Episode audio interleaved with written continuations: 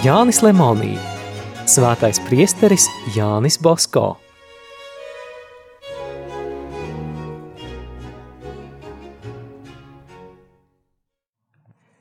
Bija 1854. gads.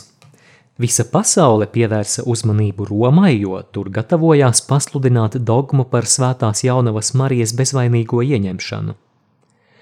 Jaunos svētkus nepacietīgi gaidīja arī Valdoko oratorija. Zēniem pie daudz darba, katrs gribēja Jānim Bosko kaut kā palīdzēt. Savio visur bija pirmais. Svētku pievakarē viņš aizgāja pie jaunavas Marijas altāra, atkārtoja pirmās komunijas solījumus un vairākas reizes no savām piezīmēm nolasīja šo lūkšanu. Marija, es atdodu tev savu sirdi. Pieņem to un vienmēr glabā pie savas sirds. Abi ar savu mīļo dēlu esiet mani draugi. Lūdzu jūs nekad neļaut man jūs apvainot ar grēku. Labāk mirt nekā grēkot. Tajā dienā oratorijas audzēkņi pateicās Dievam par holēras epidēmijas beigšanos. Sevišķo dieva gādību nespēja noliegt pat visstiprākie. Epidēmija plosījās visapkārt, tā piekļuva pie pašām durvīm, sniedzās līdz pat priestera Bosko istabiņai, bet kāda neredzama roka to atkal aizdzina. No simts cilvēkiem, kas uzturējās saslimušo vidū, nāve neskāra nevienu.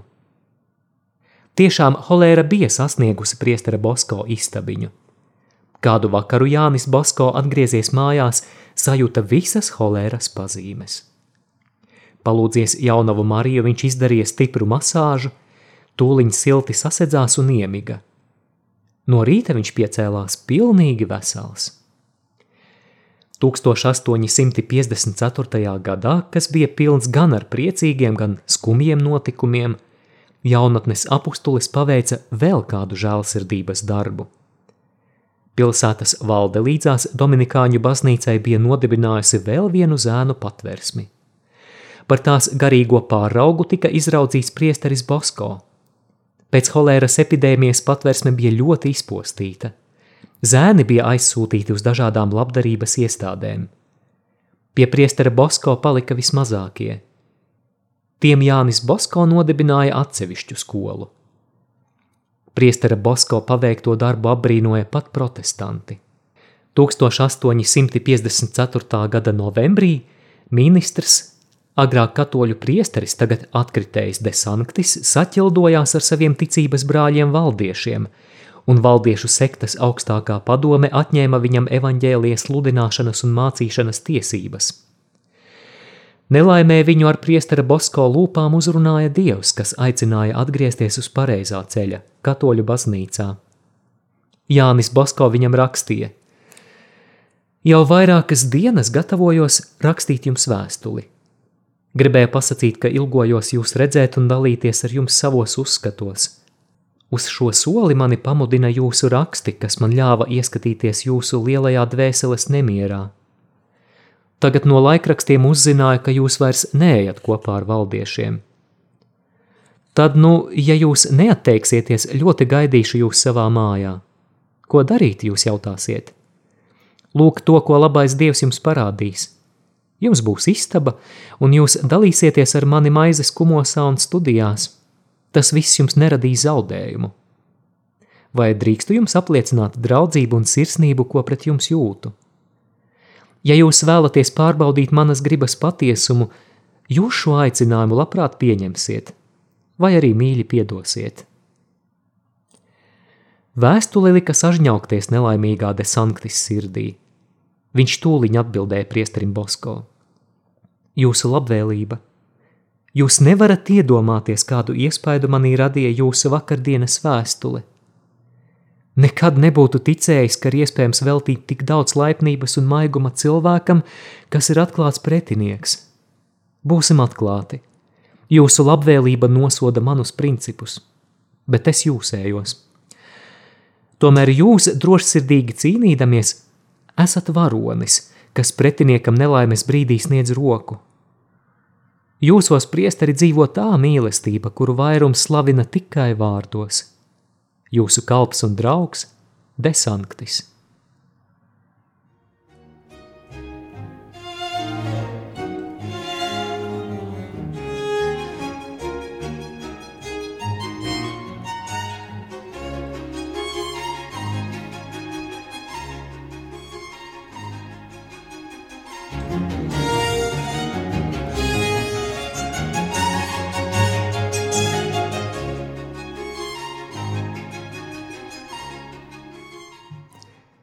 Priesteris Bosko rakstīja viņam atkal, atkārdodams savu sirsnīgo aicinājumu. Nelaimīgais atkritējs, iznīcinātā mājas drauga redaktors, apsolīja atnākt, ja priesteris Bosko neizpaudīs atklātībā viņa vārdu. Pēc dažām dienām viņš tiešām ieradās oratorijā. Priesteris Bosko, cepuri rokā turēdams, izvadāja viņu pa visu patversmi, parādīja viņam darbnīcas un ilgi ar viņu sarunājās. Arī nākamajās dienās viņš ar Bosko kopā pavadīja vairākas stundas.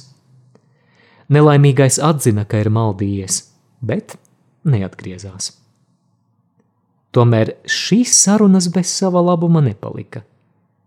Laipnā un nepretenciozā priestera Bosko palīdzība visniknākajam pretiniekam tajā brīdī, kad viņš bija visu atstumts, kaut cik pieklusināja protestantu dusmas. Valdieši no tā laika vairs netīkoja uzbrukt priestera Bosko dzīvībai, bet cīnījās tikai ar Paulu. Priesterim Bosko rūpēja atkritēja atgriešanās. Diemžēl viņš bija sapinies kaislībās. Jānis Bosko to saprata un apsolīja parūpēties par viņa šķietamās sievas dzīves apstākļiem, tomēr par nelaimi atkritējs vairs nespēja atbrīvoties no grēka valgiem. Pēc dažiem gadiem notika nelaime. Desanktis pēkšņi nomira. Dzīves biedrenē viņš paspēja pasakīt tikai šos vārdus: Mirstu, mirstu! Iespējams, ka pēdējā dzīves brīdī viņš raudāja dieva priekšā nožēlas asaras,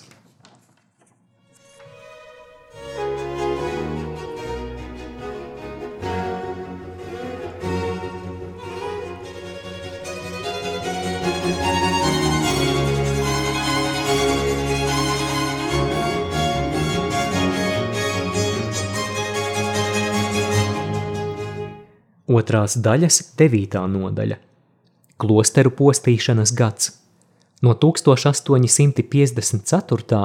līdz 1855. gadam. Katoļu baznīca cenšoties sasniegt savus mērķus, nevar iztikt bez svētnīcām, kur rīkot dievkalpojumus, bez semināriem, kur gatavot jaunus ticīgo dvēseļu aprūpētājus. Nemazāk vajadzīgi ir klosteri, pie kuriem saskaņā ar evaņģēliskajiem padomiem – dibinātas dažādas labdarības iestādes. Klosteri aprūpē daudz slimnīcu, patversmju, audzināšanas un mākslas iestāžu. Par tādām iestādēm nerūpēties nevar, jo tā nav pašu griba, bet dieva griba, kas sūtīs tās vadīt. Bet, ja jāvada, tad arī nepieciešami līdzekļi uzturēšanai. Cilvēku dvēseļu vadīšana un viņu nabadzības atvieglošanas pienākumu baznīca veiks līdz pasaules galam. Tomēr, kā ikvienam pienākumam atbilst vajadzīgās tiesības, tā arī baznīca nevar no atbilstošām tiesībām atsacīties un tās nepieprasīt. Pretējā gadījumā tā atsacītos pildīt dieva uzdoto misiju. Tik noteikti un skaidru patiesību nesaprata un negribēja saprast Itālijas sektanti. Mīdīdami baznīcas autoritāti, viņi vēlējās iznīcināt arī tās tiesības uz īpašumiem. Jau sākumā bīskapi ticīgos brīdināja un tiem pierādīja, cik tāds likums būtu netaisns un svētdzīgs. Tomēr brīdinājumi un protesti nelīdzēja. Klosteru īpašumus, kurus konfiscēja it kā holēras slimnīcu vajadzībām, vairs neatdeva, un no valdības izturēšanās veida varēja nomanīt, ka slepeni tiek gatavots baznīcas īpašumu atsevināšanas likums – Priesteris Bosko atkal droši aizstāvēja baznīcas tiesības. Kādu vakaru, kad klīda baumas par kāda tuvīnā klostera mūku izcīšanu, Jānis Bosko zēniem pastāstīja par seno savojas valdnieku lāstu tiem, kas uzdrošinātos piesavināties Alta kombas klostera īpašumus. Kādam no zēniem, Anģelo Savio, kurš vēlāk kļuva par salēzieti, ienāca prātā doma – atrast šī lāsta norakstu un to aploksnē aizsūtīt karalim. Slepus ielavījies bibliotēkā, viņš tādu tekstu tiešām atrada. Viņš to rūpīgi norakstīja un aizsūtīja Viktoram Emanuēlam. Izlasījis šo savu senču rakstīto dokumentu, karalis saprata, kāpēc tas viņam atsūtīts. Viņš bija norūpējies un pasauca savu labāko padomdevēju, Marķīzu Dominiku Fasatī. Marķīs ieraudzījis Anģelo Savio parakstu, saprata, no kurienes vēstule nākusi. Fasatī pats bija liels priestera Bosko labdaris un nereizi vien pats gāja uz oratoriju svētdienās mācīt zēniem katehismu. Karalis jutās aizvainots. Marķīs viņam neko neteica, tikai tajā pašā vakarā ieradās oratorijā sūdzēties par Savio drosmi. Priesteris paskaidroja – Man liekas, Marķīza kungs, ka patiesība nav jāslēpj. Savio izturēšanos es varu tikai uzslavēt. Es domāju, ka šai vēstulē nemaz nebūtu viņa augstību jāaizskar, tieši otrādi, ja viņam rūp karaļa ģimenes labums. Taču karaļa pilī valdīja uzskats, ka vēstuli uzrakstīs vai vismaz to līdzis uzrakstīt kanoniķis Anglesio Kotoleņo slimnīcas vadītājs, jo viņš jau agrāk esot izteicies, Redzēsim, redzēsim, kā kritīs tās zvaigznes, kādu galu ņems šie gudrinieki. Patiesība drīz aizsniedza karaļa ausis. Tajā laikā Piemontas karaļa pilī bija slepenu ziņu vācēju korpuss. Priesteris Boskau nebaidījās, ka tiks zināms, no kurienes nākusi karaļa mieru traucējošā vēstule. Viņam rūpēja aizsargāt dieva, viņa baznīcas tiesības – un kopā ar brīdinājumiem izsacīt Savojas dinastijai pateicību, ka tā vairākas reizes palīdzējusi glābt trūcīgo bērnu patversmi. Cik nopietni bija šie priestera Bosko brīdinājumi, to tūliņi redzēsim. 1854. gada novembra beigās Jānis Bosko redzēja neparastu sapni.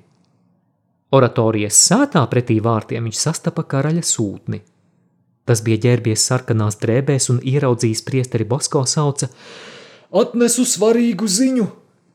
Kādu tad sabijies un izbrīnījies sapnī jautāja priesteris Bosko. Karaļa pilī ir bēres! Priesteris Bosko sastinga, bet sūtnis ziņoja vēl trešo reizi. Karaļa pilī lielas bēres! Jānis Bosko vēl gribēja jautāt pēc kāda paskaidrojuma, bet sūtnis jau bija izgaisis.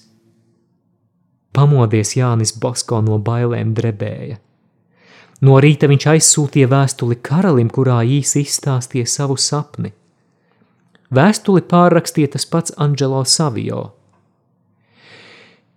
Cik zināms, karalis šai vēstulē neveltīja lielu uzmanību – Pagāja piecas dienas, un priesterim Bosko atkal sapnī parādījās sūtnis. Tāpat kā pirmo reizi, arī tagad viņa ziņojums bija sāpīgs. Lielas, ļoti lielas bēres karaļa pilī. Priesteris Bosko atkal gribēja jautāt pēc paskaidrojumiem, bet redzējums izgaisa. Dienai austot priesteris Bosko pats ar savu roku uzrakstīja karalim vēstuli, pastāstīja redzēto sapni un lūdza visādā ziņā šo sāpīgo rīksti attālināt. Viņš atklāti lūdza nepieļaut likuma par baznīcas īpašuma atsavināšanu pieņemšanu.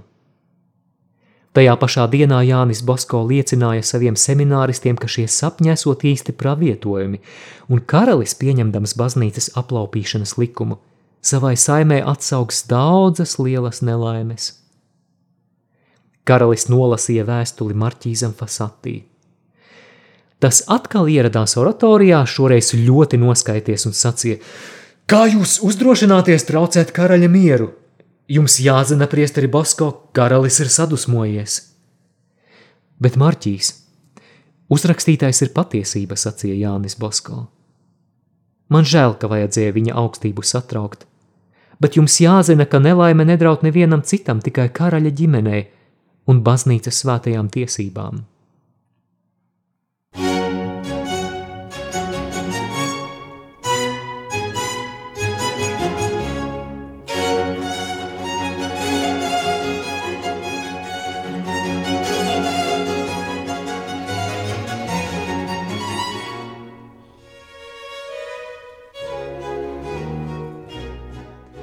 1854. gada 28. novembrī tieslietu ministrs Urbāns Ratačī ieteica parlamentam izlemt klosteru iznīcināšanas likumu.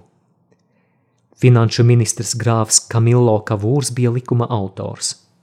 Pēc viņa vārdiem, ja parlaments likumu nepieņems, viņš pats to ieviesīs dzīvē. bet likuma apstiprināšanu pārtrauca bēdīgs notikums. 1855. gada 5. janvārī negaidīti saslima karaļa māte Marija Terēze. Karalis Viktors Emanuēls rakstīja ģenerālim Lamormoram. Mana māte un sieva man nemitīgi atkārto, ka viņām manas vainas dēļ būs jāmirst no kauna un no sirds sāpēm. 12. janvārī nomira karaļa māte. Viņa bija tikai 54 gadus veca. Parlaments pārtrauca darbu. Visa karaliste sēroja. Apbedījis māti, karalis saņēma citu vēstuli, kas bija bez paraksta. Tajā viņš lasīja šādus draudīgus vārdus. Gaišā persona ap alto saka: Atver acis, viens jau miris Ja likumu pieņems, tava saime piedzīvos lielu nelaimi. Šī nelaime ir tikai visu citu sākums. Erunt mala super mala indoma to.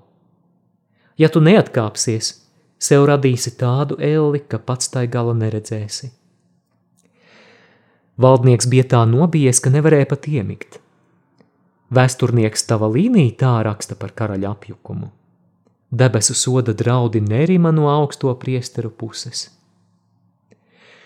Karaļa pilī vēl nesāja sēras, kad 20. janvārī dzemdībās nomira karaliene Marija Adelaida. Viņai bija tikai 33 gadi. Tai pašā vakarā pils kapelāns aiznesa slimnieku sakramentu Dženovas valdniekam Ferdinandam, vienīgajam karaļa brālim. Viktors Emanuēls vēl nezināja, kur tverties aiz šausmām – Rītā parlaments vienprātīgi nolēma darbu pārtraukt uz 13 dienām. Ļoti izbijās arī oratorijas semināristi, kad uzzināja, ka priestera Bosko pareģojums tik ātri piepildās. Šo iespaidu īpaši palielināja piedalīšanās karalienes bērēs. Pēc 13 dienām parlaments atsāka darbu, bet politisku iemeslu dēļ Ratačī solītā likuma apstiprināšana tika novilcināta. Tad projektu apspriest nolēma tikai 11. februāra sēdē, tomēr naktī no 10. uz 11. februāri nomira 33 gadus vecais karaļa brālis Ferdinands. Tā sēde tika atlikta trešo reizi. Sāpīgā ģimenes traģēdija, kā liekas, bija zīmīga liecība karalim, ka dažādie brīdinājumi nav izdomāti. Taisnību sakot, karalis bija nopietni norūpējies – Pat brīvdomātāji jau sāka šaubīties, vai notikušais nav pārdabiska zīme. Tomēr 15. februārī Ratačī priekšlikumu sāka apspriest. 20. martā likumu pieņēma. Katoļi aizsūtīja senātam protestu, ko parakstīja 97 700 cilvēku, kas pieprasīja likumu atcelt – bet reizē ar to tika piesūtīta arī brīvdomātāju prasība, ko bija parakstījušas 360 600 personas. Visi nepacietīgi gaidīja un nervozēja. Priesteris Bosko katoļu vēstīs nodrukāja rakstu baznīcas īpašumi, kā tos nozog un kā šo īpašumu zaglis tiek tiesāts. Raksta nobeigumā tika apspriesti jau minētā Alta Kombas klostera dokumenti – kā arī bija īsts Piemontas politikas apskats. Tas izraisīja lielu troksni sabiedrībā, un nevien vienā radās svētīgas bailes. Policija ausījās, sākās runas par laikraksta aizliekšanu vai vismaz šī viena numura konfiscēšanu. Vēsturnieks Broferio to nosauca par Piemontas valdības ķengāšanu un prasīja autoru attiecīgi sodīt. Tomēr taisnībai nekā nespēja padarīt.